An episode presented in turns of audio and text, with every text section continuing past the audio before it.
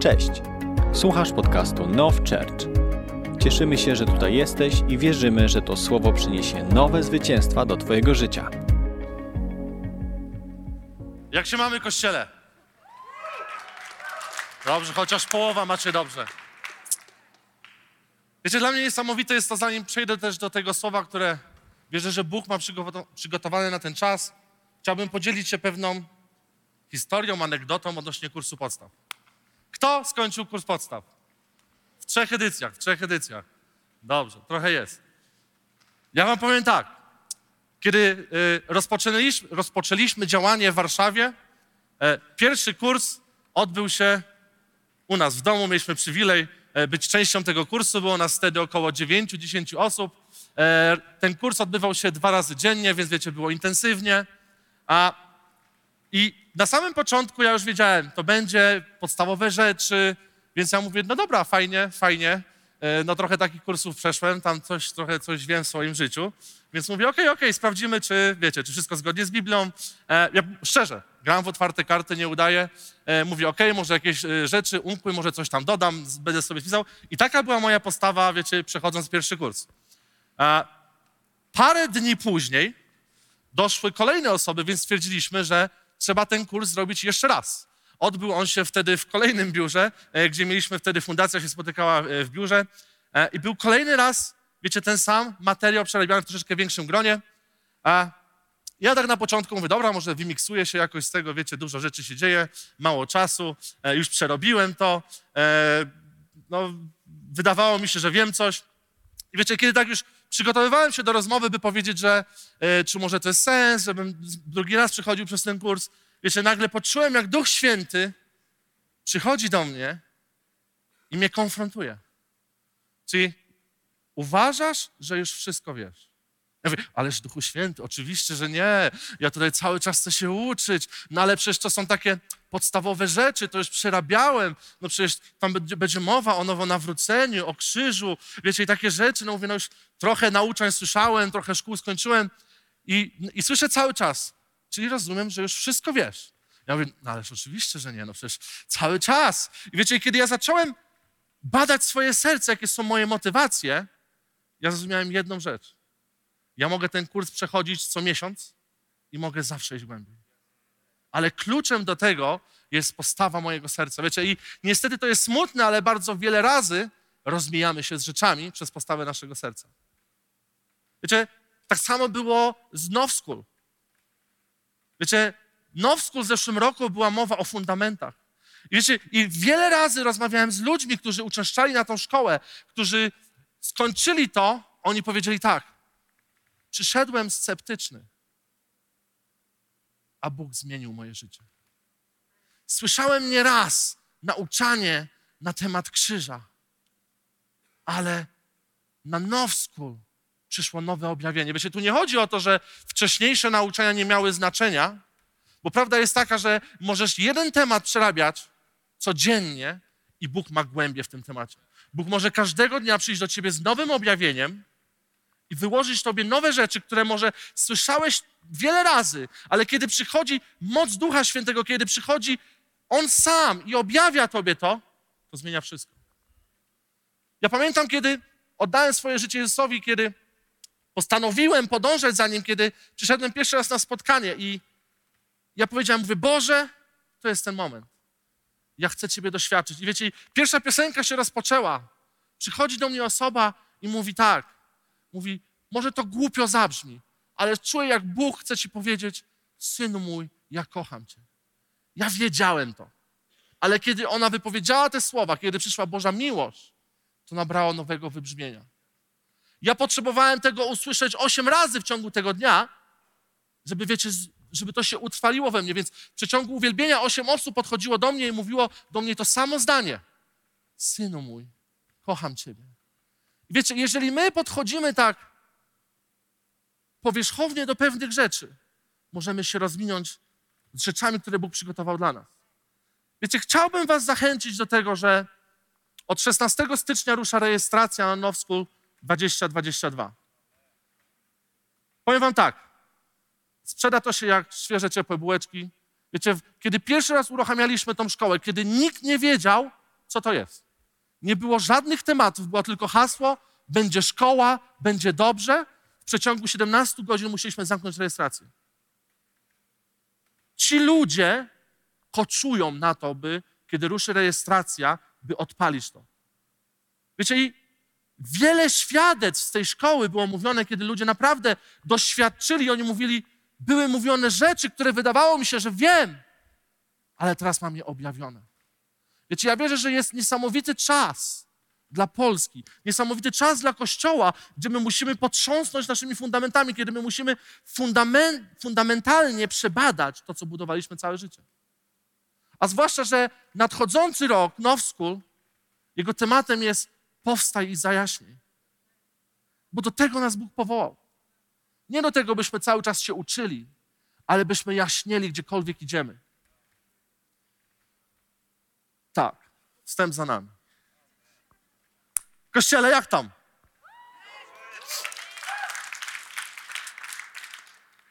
Wiecie, to jest pierwszy tydzień postu w naszym kościele, więc rozumiem trochę osłabnięcie z, tych, z, wiecie, z tymi oklaskami. Ja rozumiem, ale wiecie, to jest niesamowite, kiedy Kościół jednoczy się. Wiecie, nie wiem jak wy, ale ja naprawdę doświadczam niesamowitych rzeczy podczas postu. Kto doświadcza niesamowitych rzeczy podczas postu? Dobrze, zdaliście do następnego tygodnia, bardzo dobrze. Wiecie, taką, taki, taki żart, anegdotę powiem akurat. Mm, teraz y, byliśmy na wyjeździe e, w pewnym miejscu i to jest niesamowite, kiedy jesteś otwarty, Bóg zawsze poszerza twoje paliki. Wiecie, dowiedziałem się jednej nowej rzeczy. O jednym nowym wymiarze postu, który bardzo mi się spodobał. Kto z was słyszał o poście Dariusza? Nikt? Nikt? Dobrze. Jest taki fragment w Biblii, kiedy król Dariusz mówi tak. Kiedy usłyszał, że Daniel został wtrącony do jamy, pościł całą noc. Także wiecie, to jest mój ulubiony post ostatnio, post Dariusza, kiedy całą noc poszczę. Także wiecie, dobrze jest być otwartym na nowe rzeczy, dobrze jest słuchać mądrych ludzi, którzy mówią. Także, kochani,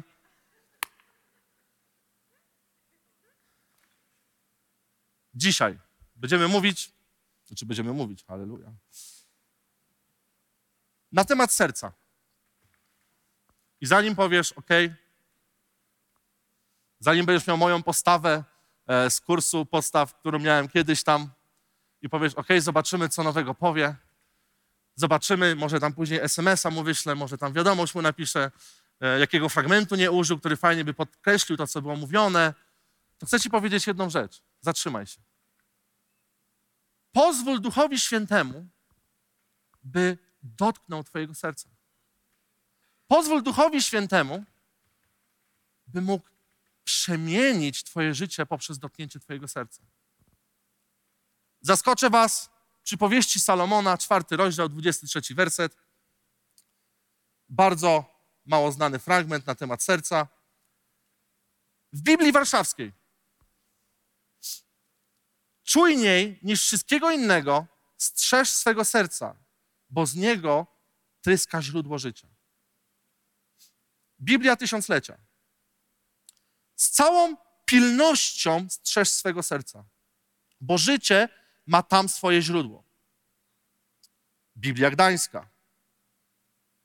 Nade wszystko, czego ludzie strzegą, strzeż serca Twego, bo z niego żywot pochodzi. Uwspółcześniona Biblia Gdańska. Strzeż Twego serca z całą pilnością, bo z niego tryska życie. Wiecie, czasami to, co wydaje się proste i banalne, ja komplikuję. Nie wiem jak wy. Ja mam tendencję do komplikowania rzeczy w swoim życiu. Czasami prostota tego, co Jezus mówi, naucza Jego zasady są tak proste, że aż czasami tak trudne do, wiecie, do, do, do zastosowania w swoim życiu, ponieważ my doszukujemy się drugiego dna. My, wiecie, próbujemy wszystko rozwinąć, rozbudować, otoczyć jakąś niesamowitą otoczką i wiecie, i dla mnie jest proste, zwłaszcza to, co Biblia Gdańska mówi, bardzo mi się podoba ten przekaz, nade wszystko, czego ludzie strzegą. Strzeż serca Twego. Wiecie, Ja uwielbiam to, kiedy bardzo często Bóg porównuje rzeczy, on da, w przypowieściach to, co jest, wiecie, duchowe, ma przykład bardzo często fizyczny, wiecie, w różnych porównaniach, w różnych rzeczach. Tak jak wiecie, Stary Testament wskazuje na Nowy, Nowy jest budowany na Starym i wiecie, dla mnie niesamowite jest to, że Bóg stworzył serce. Są tu jacyś doktorzy, lekarze? Lekarze? Dobrze, czyli mogę mówić trochę wiedzą, którą z internetu zaczerpnąłem, wiecie, pochwalę się. Serce jest najbardziej kluczowym organem w Twoim życiu. I chciałbym, żebyśmy najpierw posłuchali na temat fizycznego aspektu serca, a potem przełożymy to na aspekt duchowy. Najważniejszą funkcją serca jest zaopatrzenie każdej komórki ciała w tlen niezbędny do życia, który dociera do nich z krwią o jasno-szkarłatnym kolorze. Wędrując z lewej komory, poza tym serce jest nazywane pompą sącotłoczną, tworzącą krwiobieg mały i krwiobieg duży. Najważniejszą funkcją serca jest zaopatrzenie każdej komórki ciała w tlen. I ktoś powie, no przecież oddychanie to jest prosta rzecz. Ja nie myślę o tym, ja, ja nie muszę mówić mojemu sercu, by pompowało. To jest coś, co jest naturalne w nas. Troszeczkę otarłem się o niektóre dziedziny sportowe i wiecie, w sportach, gdzie się dużo biega, akurat był moment, kiedy e, intensywnie uprawiałem piłkę ręczną i pierwszą rzeczą, którą trener powiedział, że z takich podstawowych, fundamentalnych rzeczy musisz nauczyć się oddychać.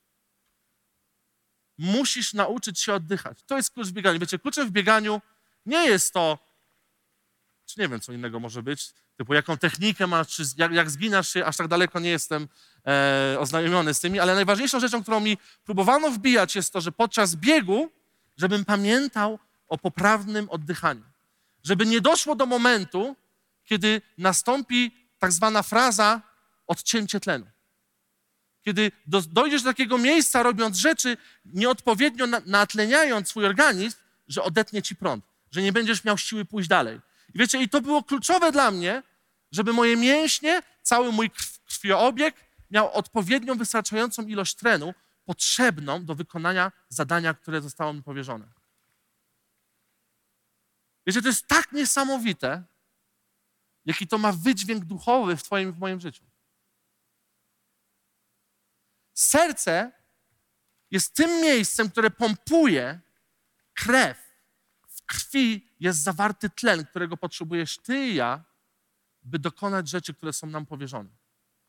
Wiecie, Biblia wyraźnie mówi, że zostaliśmy odkupieni Jego, Jego krwią i Jego krew płynie w naszych żyłach. Że kiedy jesteś na nowo nawrócony, kiedy oddajesz swoje życie Jezusowi, kiedy publicznie wyznajesz, że On jest Twoim Panem i kiedy w prostocie serca, w prawdzie serca idziesz za tym, w Twoich żyłach zaczyna płynąć nowa krew, świeża krew. Ale żeby to rozprzestrzeniło się po całym organizmie Twoim, potrzebujesz serca. Potrzebujesz serca, która jest taką pompką, która jest ona wydaje krew, ona pompuje krew, ona rozprowadza tą krew po Twoich żyłach. Wiecie, i często jest tak w naszym życiu, w moim tak było, byłem w tym miejscu, kiedy wydawało mi się, że kiedy ja oddaję swoje życie Jezusowi, kiedy On stwarza nowe serce we mnie, kiedy z kamienistego moje serce staje się krwistym, sprawa załatwiona. Jestem światłością świata solą soli. Cokolwiek robię, po prostu światłość i sól wybija się na każdym aspekcie mojego życia, w każdej dziedzinie mojego życia. W momencie, kiedy tylko oddałem swoje życie Jezusowi. Wiecie, nie zapomnę tego, nie wiem jak wy, ja mam tak, że Duch Święty bardzo często przebawia do mnie w zabawny sposób, e, konfrontując mnie różnymi sytuacjami w moim życiu. I nie zapomnę tego. Jechałem do kościoła. To były początki mojego nawrócenia. Dosłownie miesiąc wcześniej miałem spotkanie twarzą w twarz z Bogiem, gdzie po prostu totalnie wywróciło się moje życie do góry nogami, gdzie doświadczyłem namacalny sposób Jego chwały. Wiecie, po prostu to wszystko, o czym marzyłem, doświadczyłem tego w, w pokoju z Bogiem jeden na jeden. I wiecie, ja po prostu wow, zbawienie, przebudzenie, po prostu wiecie, ktokolwiek podchodził, ja jedyne o czym mogłem mówić to o Bogu. I pamiętam, jedziemy sobie na spotkanie do kościoła, leci najbardziej namaszczona muzyka, jaką wtedy miałem w, w radiu, e, jadę z moimi przyjaciółmi, było nas wtedy czterech. E, ciekawe jest to, że w, w tym samym czasie mniej więcej nawróciliśmy się, powierzyliśmy swoje życie Jezusowi. Każdy miał bardzo podobną historię, wiecie, różne przeszłości tam lekko przestępcze, różne takie rzeczy.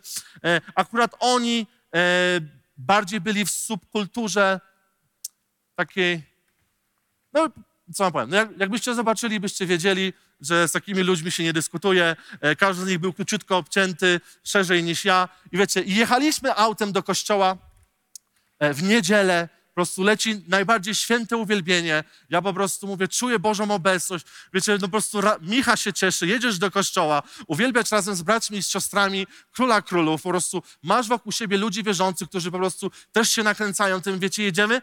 I nie wiem, jak to się stało, ale prawdopodobnie wymusiłem pierwszeństwo, że po prostu wbiłem się komuś e, przed auto, bo chciałem autobus wyprzedzić, który e, chciał dołączyć do ruchu. E, I wiecie, były tam cztery auta, jakoś, nie że tam jakiś, nie tak jak w Warszawie, wielki korek, wiele aut.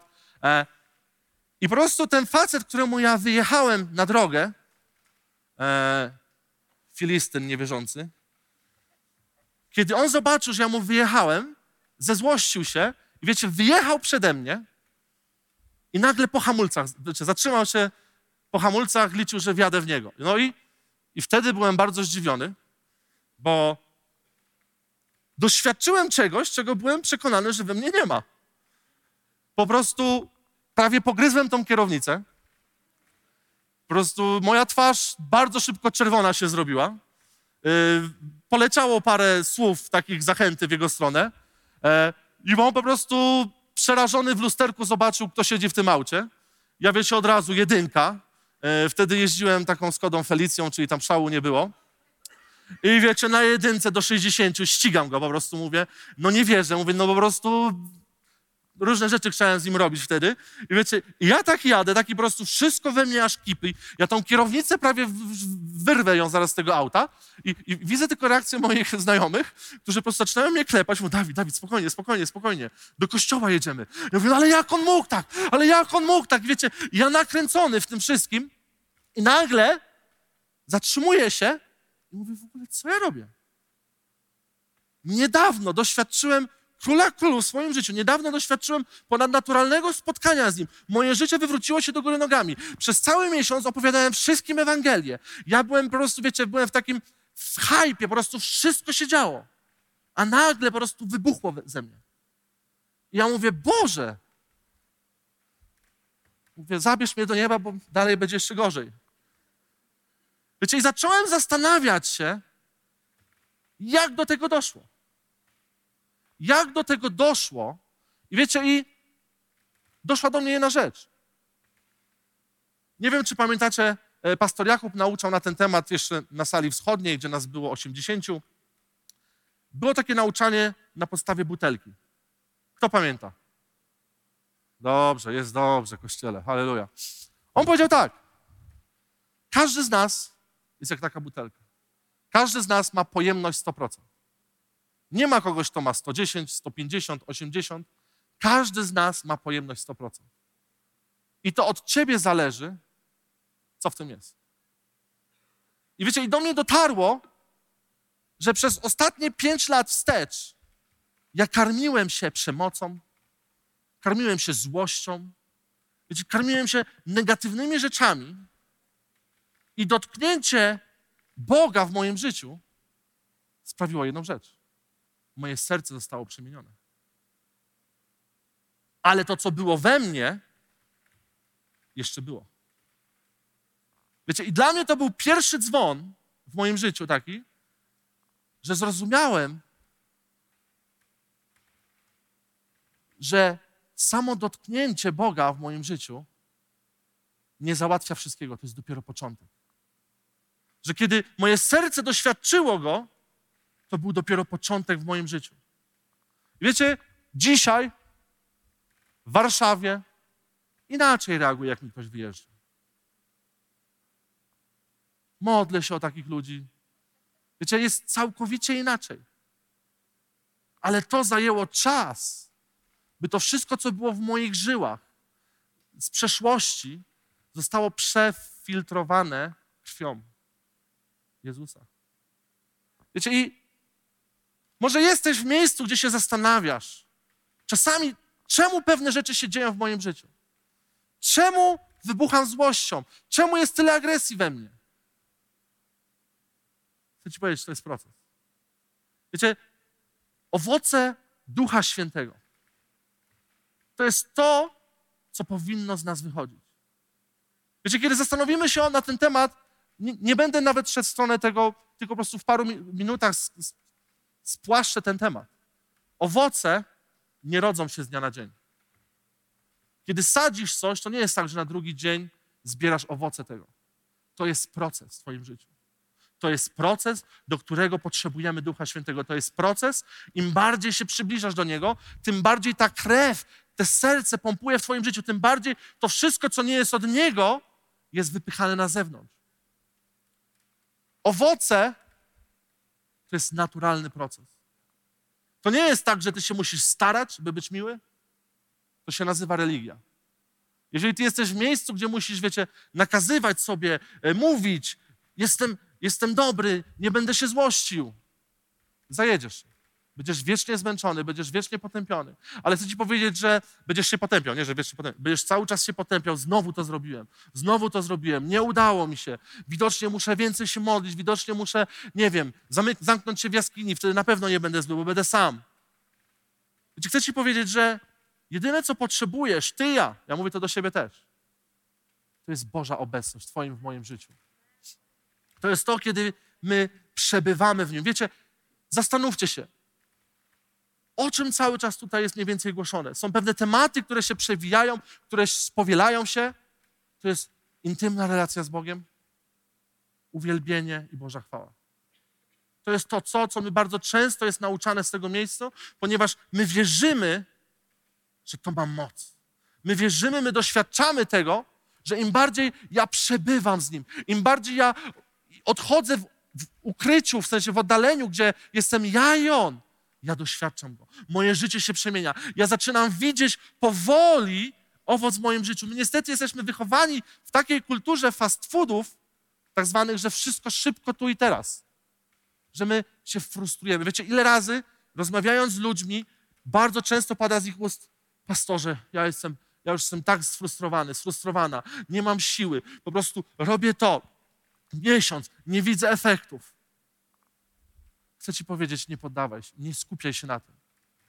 Wiecie, Bóg dał nam serce mięsiste. Kiedy my się nawracamy, Bóg daje nam serce mięsiste, które zostaje włożone w, nasze, w nasz organizm, w naszą duchową rzeczywistość. I, I dla mnie niesamowite jest to, że,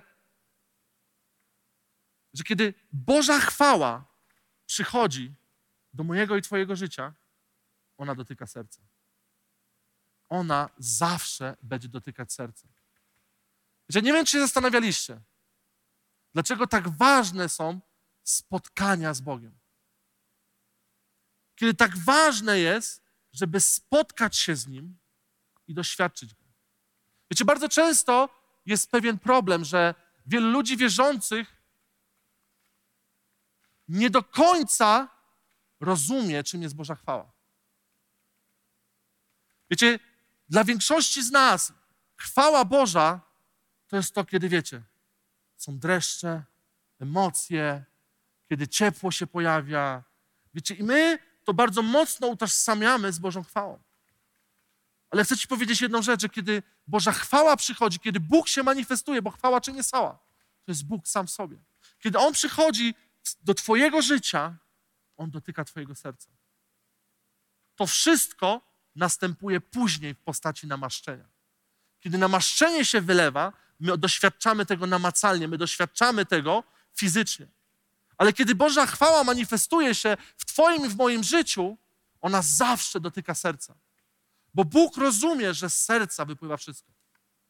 Bóg rozumie, że żeby przemienić Twoje życie, żeby cokolwiek dokonać w swoim życiu, On nie potrzebuje tego, żebyś ty padł pod mocą.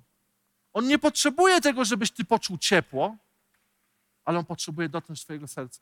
On potrzebuje zrobić operacji na twoim sercu. Bo tylko wtedy zaczniesz doświadczać namacalnej przemiany w swoim życiu. Oczywiście te rzeczy, wiecie, padanie, to wszystko to jest fajne, ale to nie jest cel w moim, w swoim życiu. My nie dążymy do tego. Wiecie, celem uwielbienia nie jest paść pod mocą. Celem uwielbienia nie jest to, bym ja poczuł się kochany, bym poczuł, wiecie, pokój. Oczywiście to są dobre rzeczy i to się dzieje, kiedy Boża chwała dotyka mnie.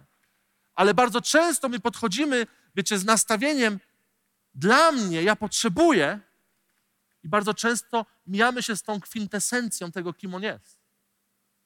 Bóg w swojej chwale to jest, to jest to, czego my powinniśmy pragnąć codziennie. W czymkolwiek, co robimy. Jeżeli ty czytasz Biblię i modlisz się z tą postawą, ja chcę doświadczyć Bożej chwały, ja chcę poznać Go bardziej, ja chcę, żeby On przemienił mnie, ja chcę, żeby On dotknął mojego serca, wtedy rzeczy się dzieją. Tu nie chodzi o samą modlitwę i czytanie Słowa Bożego, ale o Twoje serce. Czego oczekuje Twoje serce? Wiecie, wtedy się rzeczy dzieją. Wtedy czytanie Słowa przeobraża się w dotknięcie nieba w Twoim życiu. Wtedy modlitwa staje się inna, ponieważ doświadczasz w namacalny sposób Bożego dotyku Twojego serca. Chciałbym, żebyśmy otworzyli pierwszą królewską, trzeci rozdział, od 5 do 12 wersetu.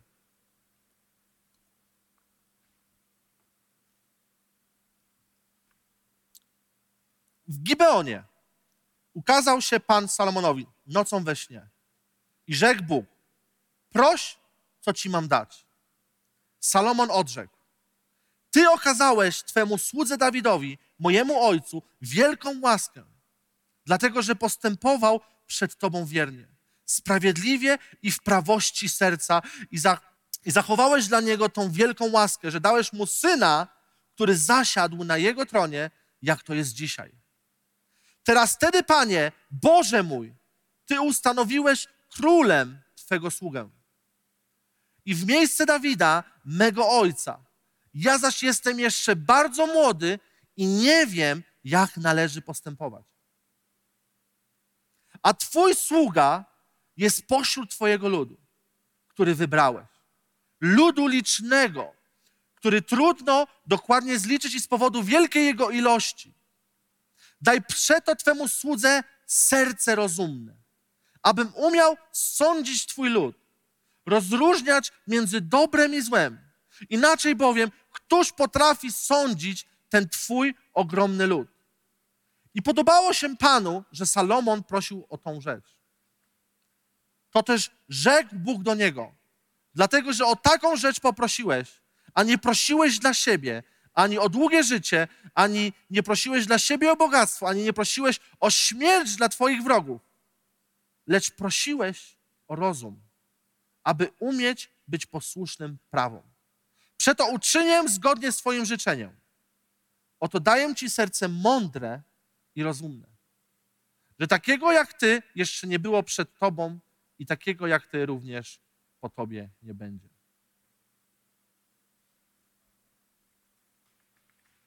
Wiecie, dla mnie jest to niesamowite. I tu przyznaję się, bez bicia. Ja zawsze myślałem, że Bóg dał Salomonowi mądrość w postaci mądrości. Wiecie, niedawno do mnie dotarło, że tak naprawdę Bóg dał serce rozumne. Bóg dał mądre serce Salomonowi.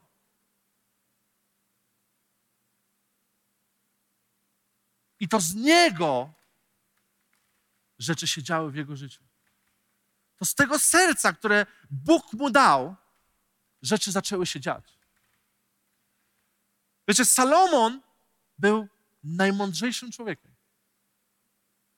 Miał mądrość, która przewyższała zrozumienie.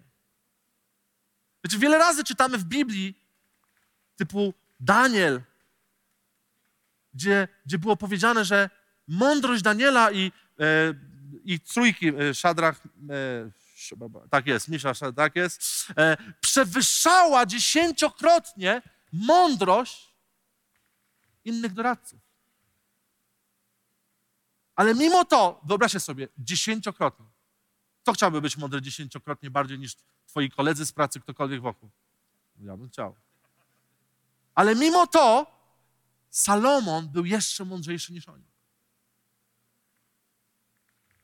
Więc chciałbym dzisiaj pochłonić się nad postacią Salomona. Przyjrzeć się tej postaci. Wiecie, dla mnie jest niesamowite to i z drugiej strony przerażające, jak tak mądry człowiek skończył tak źle.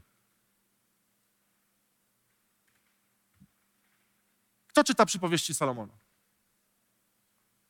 Tam jest masa wskazówek, jak z sukcesem przejść przez życie. Jest masa wskazówek, jak odnieść sukces w swoim życiu. Masa wskazówek, jak wieść życie dobre. Zachowując pewne zasady, które Salomon opisuje tam. Ale mimo to, Salomon jak skończył? No tragicznie. Źle skończył. Wiecie, ja zastanawiałem się. Jest taka książka, którą bardzo lubię czytać, e, Boży Generałowie.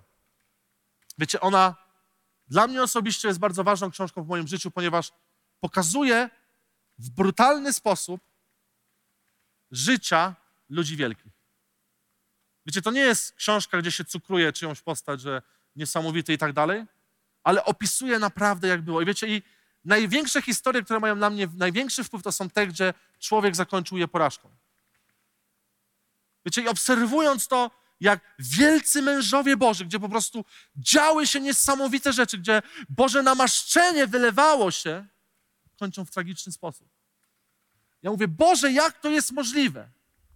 Że ludzie, którzy dotknęli tego poziomu, o którym każdy smaży, dotknęli poziomu niewyobrażalnej chwały, dotknęli poziomu, gdzie rzeczy się dzieją, gdzie po prostu, wiecie, tysiące przebudzenia, niesamowite rzeczy, o których my jeszcze nie doświadczamy w Polsce. Działy się tam. A mimo to większość z nich źle skończyła. I dla mnie, nie mówię, że taka jest odpowiedź 100%, ale im bardziej się zastanawiam, tym bardziej dostrzegam, że ich serca musiały się rozwinąć z pewnymi rzeczami.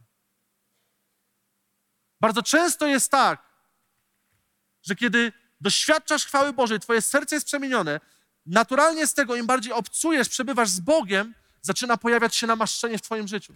I niestety smutne jest to, że wielu ludzi wtedy zaczyna bardziej podążać za namaszczeniem niż za chwałą Bożą.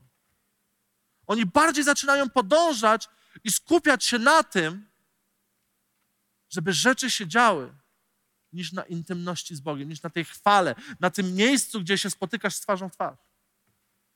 Wiecie, był moment w moim życiu, kiedy Duch Święty przemówił do mnie i skonfrontował mnie, bo ja złapałem się na jednej rzeczy, że ja idę do komory po to, by otrzymać słowo. Ja idę do komory po to, by być na poziomie, by być w gotowości zawsze usłużyć. Że ja idę po to do komory, by odebrać słowo dla kościoła, by odebrać słowo, wiecie, na grupę. Ja po to zmierzałem do komory. I Duch Święty mnie skonfrontował i powiedział: Dawid, mijasz się z celem. Celem komory nie jest to, żebyś ty odebrał słowo. Celem komory nie jest to, żebyś ty e, wiedział, co zrobić w swoim życiu. Celem komory jest to, byś ty poznał mnie, byś ty doświadczył mnie. I wiecie, ja się złapałem na tym. Więc co dopiero, kiedy rzeczy mega się dzieją w życiu. Co, do, co jeżeli cuda się dzieją, wiecie, wtedy wkłada się taka świadomość, to znaczy, że chyba wszystko jest ok. Skoro rzeczy się dzieją, jest ok. Wystarcza w przerwie 10 minut na modlitwę, bo rzeczy się dzieją. Wiecie, ja przypominam sobie, jak bardzo tylko mogę, strzeż mojego serca. Boże, strzeż mojego serca, by ono zawsze było skierowane na Ciebie. Jak czytamy w pierwszej królewskiej, 11 rozdziale, od trzeciego do czwartego wersetu. Jest dalej mowa o Salomonie. Miał on 700 żon, prawowitych i 300 nałożnych. A te jego kobiety omamiły jego serce. Gdy zaś Salomon zestarzał, Jego żony odwróciły jego serce do innych bogów. Także jego serce nie było szczere wobec Pana Boga jego, jak serce Dawida, jego ojca. Dziewiątym wersecie to też Pan rozgniewał się na Salomona za to, że odwrócił serce swoje od Pana, Boga Izraelskiego, który mu się dwukrotnie ukazał. Jak to jest? Salomon, Bóg mu się dwukrotnie ukazał fizycznie w jego życiu. A mimo to jego serce odwróciło się od Boga. Jego serce odwróciło się od Boga na rzecz żon, kobiet w jego życiu. I teraz nie idźmy w tą stronę, że, że kobiety spowodowały to. Ale wiecie, co dzisiaj w Twoim życiu odwraca uwagę Twojego serca? Co dzisiaj skłania Twoje serce do tego, żebyś nie skupiał się na Bogu? I nie idźmy w stronę, że żona mąż. To, to nieprawda. Wiecie, serce pompuje nowy tlen, ale w tym samym czasie wyciąga stary, zużyty dwutlenek lub węgla, czy jakoś tak. Jest przepływ. Jest przepływ. Moje pytanie jest takie, tak jak pastor Jakub mówił o tej butelce, 100% każdy ma pojemność. Ile z tego jest pompowane przez serce do Twojego życia, tego królewskiego posiewu, tego królewskiego DNA? A ile rzeczy Ty sam wpompowujesz do tego?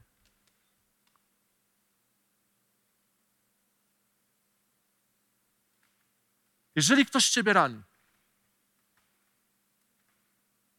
Ty masz decyzję zadecydować, czy będziesz pompował zranienie do swojego krwiobiegu.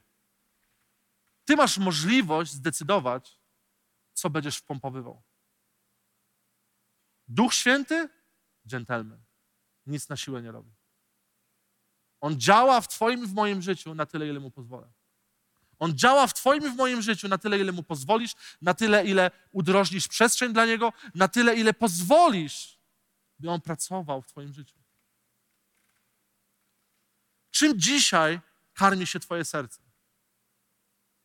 Wiecie, nie jest sztuką zamknąć się w jaskini na całe życie i mówić: Boże, ochroń moje serce, zero internetu, zero w ogóle jakiegokolwiek człowieka i po prostu tylko ja i Bóg, to wtedy masz żaden wpływ.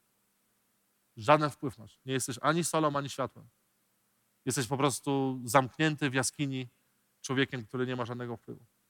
Bóg powołał mnie i ciebie do wpływu. Bóg powołał mnie do tego, byśmy nie bali się wyjść do świata. Bóg powołał mnie do ciebie, byśmy gdziekolwiek idziemy, byli światłością świata. Ale to ty i ja decydujemy, co wpompowujemy do swojego życia. To ty i ja decyduję, co wpływa do mnie. Wiecie, każda sytuacja w naszym życiu ma znaczenie.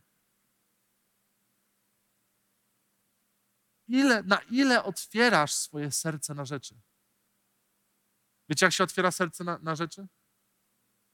Kiedy idziesz do kościoła, oczywiście nie u nas, bo u nas tak się nie dzieje, do innego kościoła, za granicą, nie w Polsce, bo w Polsce tak nie ma też, i słyszysz, że obok ciebie ktoś mówi, a słyszałeś, co on zrobił? Jak on mógł? I ty otwierasz swoje serce, ale kto? No, powiedz, bo, bo też chcę się modlić o niego. Powiedz, kto? i karmisz swoje serce. Kiedy jesteś w pracy i ktoś zaczyna narzekać, masz do wyboru. Albo otworzysz swoje serce na to i powiesz, no faktycznie, i zaczniesz narzekać jak oni, albo zamkniesz swoje serce i nie dopuścisz do tego, by to miało wpływ na ciebie. I skontrujesz to Słowem Bożym. Powiedzieć, człowieku, na co wy narzekacie? Są same dobre rzeczy. Wiecie, i my, my To jest, wiecie, to wymaga dyscypliny w Twoim, w moim życiu. Chrześcijaństwo wymaga dyscypliny w Twoim, w moim życiu. My spłaszczyliśmy to, my, bo ja też byłem w tym miejscu i się łapię często na takie myślenie, że rozwiązaniem mojego problemu, żeby być mniej złym, żeby być bardziej pozytywnym, e, żeby być bardziej radosnym, jest najlepiej to, żeby znaleźć najbardziej pozytywną osobę w kościoła, podejść do niej i mówić, przekaż namaszczenie na mnie. Pomóc się o mnie, bym ja też był szczęśliwy. Albo wiecie, czytamy siedem kroków do tego, jak być szczęśliwym, siedem kroków, jak doświadczyć tego, i wiecie, i szukamy, i podążamy, a prawda jest taka, że Biblia wyraźnie mówi. Przemienianie umysłu, to jest dyscyplina, to jest moja i Twoja decyzja. Oczywiście, że na początku jest trudno. Kiedy ja doświadczyłem tego w tamtym aucie, kiedy ja zorientowałem się, ile złości we mnie jest, to nie było tak, że ja nagle z dnia na dzień zrozumiałem, mówię, okej, okay, Boże, rozumiem, e, szybka modlitwa, Boże, teraz Twój duch we mnie, niech się wypływa. To był proces. Kiedy Bóg stawiał mnie w sytuacjach, gdzie dochodziło do wrzenia i to była moja decyzja, co ja zrobię. Wiecie, moim marzeniem jest to, żeby zwłaszcza w domu, nie w kościele, w kościele łatwiej to zrobić, ale zwłaszcza w domu, gdzie nie ukryjesz niczego, być miłą wonią. Żeby nie było miejsca nawet na jedną kłótnię, żeby nie było miejsca na to, na jakikolwiek konflikt. I to nie dlatego, że jestem niesamowity i błędów nie popełniam. Spytajcie się mojej żony, ona wam prawdę powie. Ale moim marzeniem jest to, jak ja będę reagował na to. Czy będę pozwalał, by emocje kontrolowały mnie? Czy będę pozwalał na to, by sposób, w jaki reaguję, wychodził z mojego serca? Wiecie, dla... bardzo mocno ostatnio dociera do mnie to, że kiedy Jezus powiedział, przebacz swojemu bratu i siostrze przed zachodem słońca. Nie pozwól, by rzeczy, które w tobie się kumulują, te negatywne rzeczy, by one były dłużej niż parę godzin w twoim życiu. Bo jeżeli ty przegrasz tą walkę i pozwolisz na to, by to zranienie, by ta złość, by twoje negatywne emocje by trwały dłużej, ty zaczniesz zatruwać ten krwioobieg w swoim życiu. Ty zaczniesz dopuszczać truciznę do swojego życia. Już nie mówię o tym, jak masz nieprzebaczenie 20 lat do kogoś. Nie dziw się, że będziesz wybuchał. Nie dziw się, że nagle nie wiadomo skąd taka złość wykipi z siebie. Nie ma innej opcji. To, co siejesz, będziesz zbierał. To, co siejesz w swoim życiu, to, z czym się nie rozprawiasz w swoim życiu, wyda owoc, prędzej czy później. Ja się modlę, by jak najszybciej te rzeczy wychodziły w moim życiu. By jak najwięcej było takich sytuacji, by jak najwięcej było konfrontacji w moim życiu, bym ja był świadomy, co jeszcze siedzi. Ale do tego jest potrzebny Duch Święty. Do tego jest potrzebna osobista relacja z Nim. Do tego jest potrzebne miejsce, kiedy ja z Nim się spotykam twarzą w twarz. Do tego są potrzebni bracia i siostry, gdzie wychodzą te rzeczy. Wiecie, najłatwiej jest, że po prostu Duch Święty ci mówi: Słuchaj, jeszcze troszeczkę złości w Twoim życiu. A ty mówisz: Dziękuję i nic się nie wylewa. Ale właśnie wtedy, kiedy jesteś w służbie, w kawiarence, witasz się, to jest pole treningowe. Nie żartuję. Jeżeli chcesz radykalnej przemiany w swoim życiu, jeżeli chcesz wzrastać, dołącz do służb. Dołącz do ludzi, gdzie jesteś otoczony ludźmi. I bardzo ważna rzecz, nie uciekaj. Nie uciekaj, kiedy się coś dzieje, kiedy jest zgrzyt z kimś. Dziękuj Bogu za takie sytuacje, bo one pozwolą Tobie wzrosnąć, bo one wydobywają to, co jest w sercu. Wiecie, serca nie oszukasz. Siebie tak. Sobie możesz wkręcić, że jesteś miłym człowiekiem, ale serca nie oszukasz. Zazwyczaj ludzie, którzy wybuchają, kiedy z nim się rozmawia, ja? Niemożliwe. Jestem najłagodniejszą osobą. Muchy bym nie skrzywdził. Ale jak naciśnie się napięte, to krzesłami by rzucał. Wiecie, my potrzebujemy konfrontacji w swoim życiu. Bóg powołał mnie i ciebie do wzrostu. Bóg powołał mnie i ciebie do tego, byśmy przechodzili zwycięsko przez próby. Pamiętaj, Bóg nie dał ci czegoś, czego nie jesteś w stanie przejść. Bóg nie dał ci sytuacji, która jest zbyt wiel- za duża dla ciebie. Moje pytanie jest tak, co z tym robisz? Czy w ogóle analizujesz? To jest kolejne pytanie. Czy w ogóle zatrzymujesz się w swoim życiu, by przeanalizować, dlaczego rzeczy się dzieją? Dlaczego ciągle chodzę taki naburmuszony? Co się dzieje? Jeżeli pójdziesz w stronę, bo on, bo to, źle. Nie ma znaczenia. Ja wierzę w to, że jako wierzący powinniśmy być w takim miejscu, że nawet ktoś będzie nas przypalał prętem i to nie wpłynie na nas. Że w pracy będą pomyje wylewać na ciebie, a ty będziesz z uśmiechem przychodził do pracy. I to nie jest, że jedna modlitwa i tak będzie. To jest proces. To jest proces w moim, swoim życiu. Musi być proces w moim życiu i w Twoim. To wymaga dyscypliny, kiedy ja decyduję, na co otwieram swoje serce, a gdzie muszę zamykać serce. Na co dzisiaj otwierasz serce?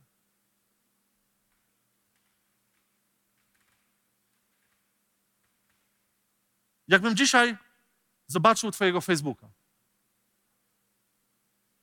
Nie co publikujesz, bo to wiecie, to są strony fajnewersety.pl i tam można fajne rzeczy promować.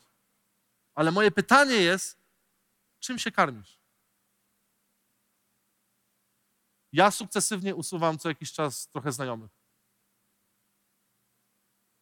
Bo widzę, że to, co oni publikują, zatruwa moje serce. Wiecie, i tu nie chodzi teraz, żebyśmy wpadli w taką skrajność, że ktoś cokolwiek raz narzeknie, powiesz, wiesz co, sorry, zero znajomości, usuń mój numer, już nie chcę z tobą gadać, zatruwasz moje życie. Bo to wiecie, poszłaby jeszcze większa łatka, że wierzący to dziwni ludzie. Ale moje pytanie jest, jak ty reagujesz na takie rzeczy? Czym dzisiaj się karmisz? Jakiej muzyki słuchasz? Muzyka ma niesamowity wpływ na nasze życie. Kiedyś w gimnazjum słuchałem takiego zespołu, wtedy jeszcze nie, no nie, nie chrześcijańskiego, chociaż jak się nawróciłem, wysłałem im maila, żeby się nawrócili, ale nie odpisali. Była to jedna z moich ulubionych kapel. E, była to muzyka taka heavy metalowa. Wiecie, i ja się karmiłem cały czas tym. Aż w pewnym momencie człowiek ze świata, moja nauczycielka, podeszła do mnie i powiedziała tak: Dawid, masz zakaz słuchania takiej muzyki. Jak to? Jak zakaz? W regulaminie szkoły nie ma tego. Ona mówi, Dawid, ja widzę ciebie cały czas ze słuchawkami na przerwie, że ty chodzisz i słuchasz tej muzyki i odkąd to zacząłeś robić, stałeś się bardziej agresywny, stałeś się bardziej pobudzony. Wiecie, i ona mi tak wytyka, wytyka, a ja tak, kurczę, no faktycznie ma to wpływ na moje życie. I ja nie mówię teraz, że wiecie, żebyśmy teraz nie budowali kolejnych rzeczy, że teraz każda muzyka heavy metalowa to jest zła, bo potrzebna jest chrześcijańska muzyka, żeby docierać do pewnych środowisk. Ale moje pytanie, jeżeli ty słuchasz 24 na dobę heavy metalowej muzyki, nawet chrześcijańskiej, to nie dziw się, że po prostu te wszystkie, że to będzie aż w tobie skakać co jakiś czas. Ma potężne znaczenie, czym się karmisz dzisiaj. Ma potężne znaczenie, co na co otwierasz swoje serce, co wpływa do twojego serca. Chciałbym, żebyśmy otworzyli Mateusza 13 rozdział. Od 14 do 15 wersetu.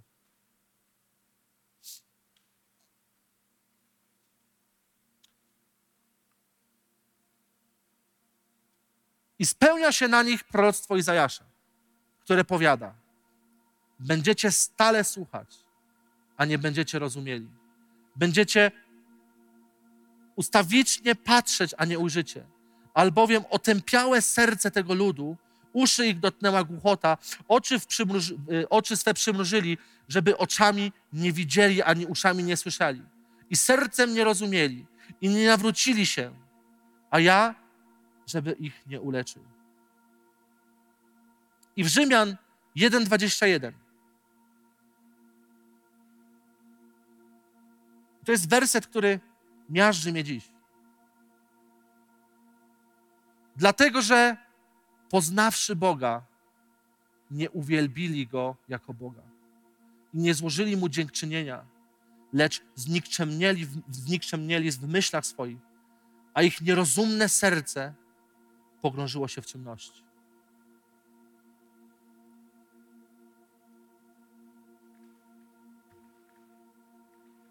Mnie to przeraża. Co można zrobić, gdzie można zajść, znając Boga.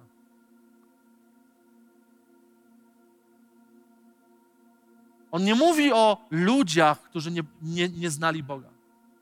Oni doświadczyli Boga. Dlatego, że poznawszy Boga, nie uwielbili Go jako Boga i nie złożyli Mu dziękczynienia, lecz znikczemnieli w myślach swoich, a ich nierozumne serce pogrążyło się w ciemności. Czy to jest efekt niestrzeżenia swojego serca? To jest efekt, kiedy nie ma przepływu świeżej krwi w Twoim organizmie. Kiedy zastało się. Kiedy jesteś w miejscu tylko słuchania, słuchasz, słuchasz, słuchasz, a nie robisz kroków. Kiedy nie ma praktyki w Twoim życiu. Kiedy nie ma tego procesu przemiany. Kiedy nie ma miejsca, gdzie jest konfrontacja. Kiedy nie ma miejsca, gdzie to, to co jest jeszcze z Ciebie, wychodzi na zewnątrz po to, by mogło wejść nowe, świeży powiew Ducha Świętego. Jest wielu ludzi, o których ja się modlę, którzy doświadczyli Boga w swoim życiu, a ich serca twardnieją, twardnieją, twardnieją. Jest jeden klucz, który zauważam. To są ludzie, którzy przestali robić. To są ludzie, którzy zatrzymali się. To są ludzie, którzy wycofali się. Po pewnym czasie, wiecie, to nie jest tak, że, że nagle przestajesz spotykać się z Bogiem i lada moment wszystko ci się wali. To nie jest tak, że nagle słońce świeci, a tu za chwilę jest awaria. To jest proces. To jest proces. Bóg stworzył tak żywy organizm, że my ciągle potrzebujemy świeżego tlenu. To nie jest tak raz w niedzielę, dwa razy w tygodniu, codziennie. 24 na dobę. Ty i ja potrzebujemy świeżego tlenu. Ty i ja potrzebujemy Bożego powiewu w swoim życiu. Jeżeli zacznie się proces cofania w Twoim życiu, uwierz mi, prędzej czy później zatwardzisz swoje serce. Dojdzie do tego miejsca, że wszystko cię będzie irytować w kościele. Dojdziesz do tego miejsca, że będziesz się irytował sukcesem innych ludzi. I coraz bardziej ci się nie będzie chciało. Coraz bardziej będziesz się skupiał. Źle się przywitał, źle ogłoszenie powiedział, światło źle, bla, bla, bla. I będziesz się rozmijał, aż dojdziesz do miejsca zatwardzenia w swoim życiu.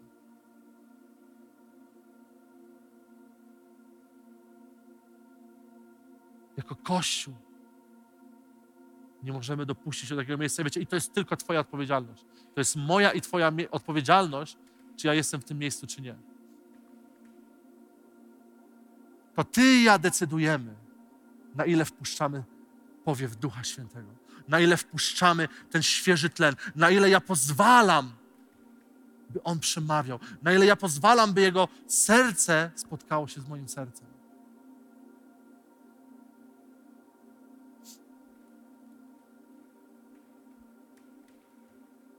Wiecie, dla mnie kluczem jest to. Chciałbym, żebyście sobie odpowiedzieli na jedno pytanie. W sercu swoim, nie na głos. Kiedy ostatnio pokutowałeś? Kiedy ostatnio był moment w Twoim życiu, że wiesz, że zawaliłeś? Nie sąsiad, żona, brat, ale Ty. W ogóle w chrześcijaństwie nie chodzi o skupianiu się na Twoim bracie i siostrze, co on powinien zmienić, ale na tym, co ja muszę zmienić. Wiecie, my musimy skończyć z tym, wiecie, winę widzę tu, winę widzę tam. To trzeba, to trzeba.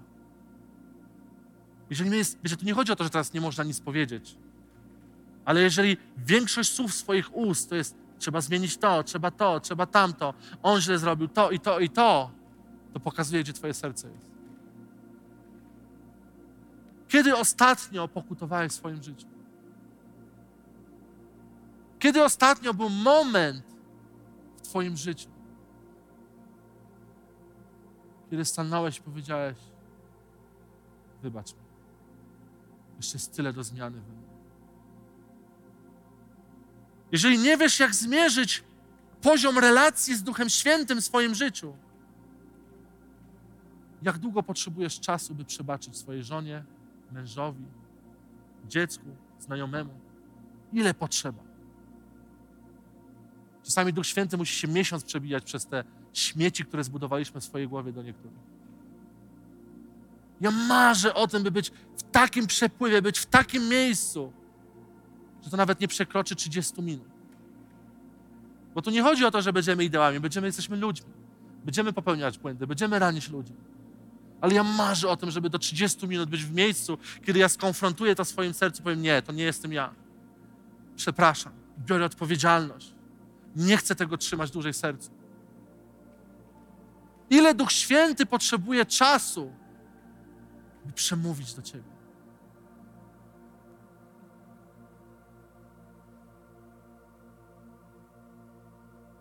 Chciałbym, żebyśmy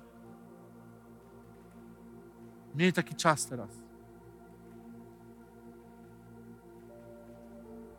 Wiecie, konfrontacji z Duchem Świętym. Ja nie chcę być w tym miejscu, jak w Rzymian jest napisany. Że poznawszy Boga, nie uwielbili Go, nie oddali Mu dziękczynienia. Ich serce się zatwardziało. Ja chcę być w miejscu, gdzie zawsze dziękuję Bogu. Ja chcę być w miejscu, gdzie z moich ust wypływa dziękczynienie, a nie oskarżenie. Ja chcę być wodą życia. Ja chcę być przepływem tego, co Bóg mówi.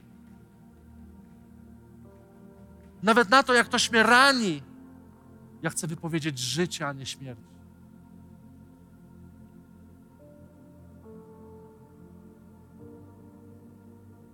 Duchu Święty, my potrzebujemy Ciebie.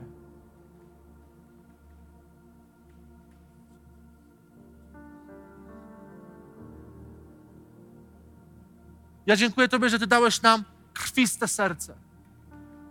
Że Ty zamieniłeś nasze skamieniałe serce na krwiste serce. Na Twoje serce, które pompuje Twoją krew w naszym ciele. Ojcze, ucz nas, jak strzec swojego serca.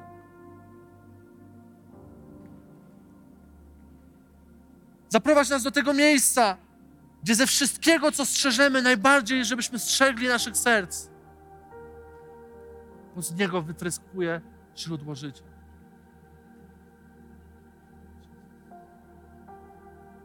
Objawiaj nam. Objawiaj nam. Ja nie chcę tracić czasu na rzeczy, które nie dają życia.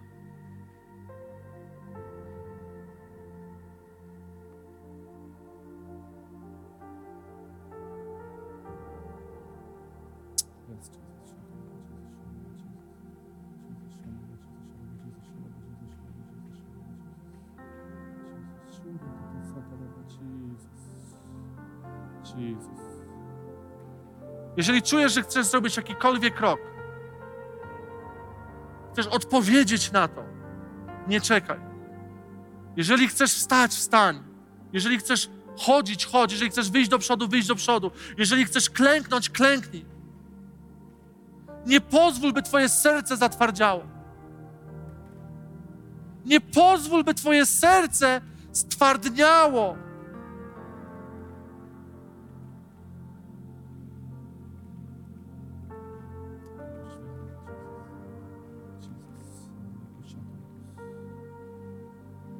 Święty.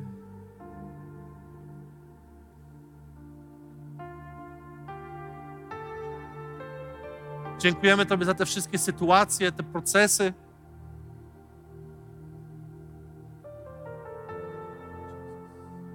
Ojcze, za to, że Ty uczysz nas, że Ty przeprowadzasz nas przez różne sytuacje, po to, byśmy mogli wzrosnąć.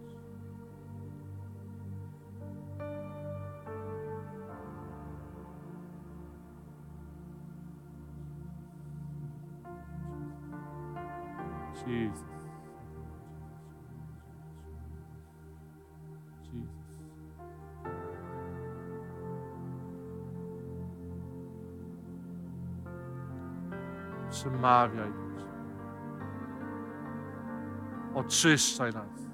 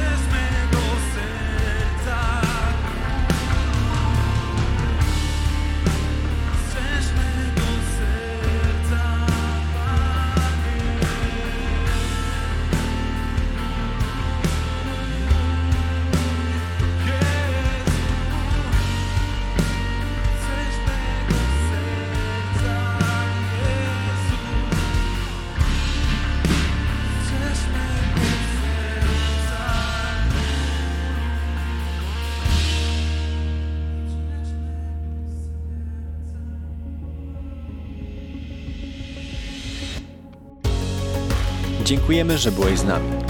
Jeśli chcesz dowiedzieć się więcej o naszych działaniach lub nas wesprzeć, zapraszamy Cię na www.nationsonfire.org ukośnik nowchurch.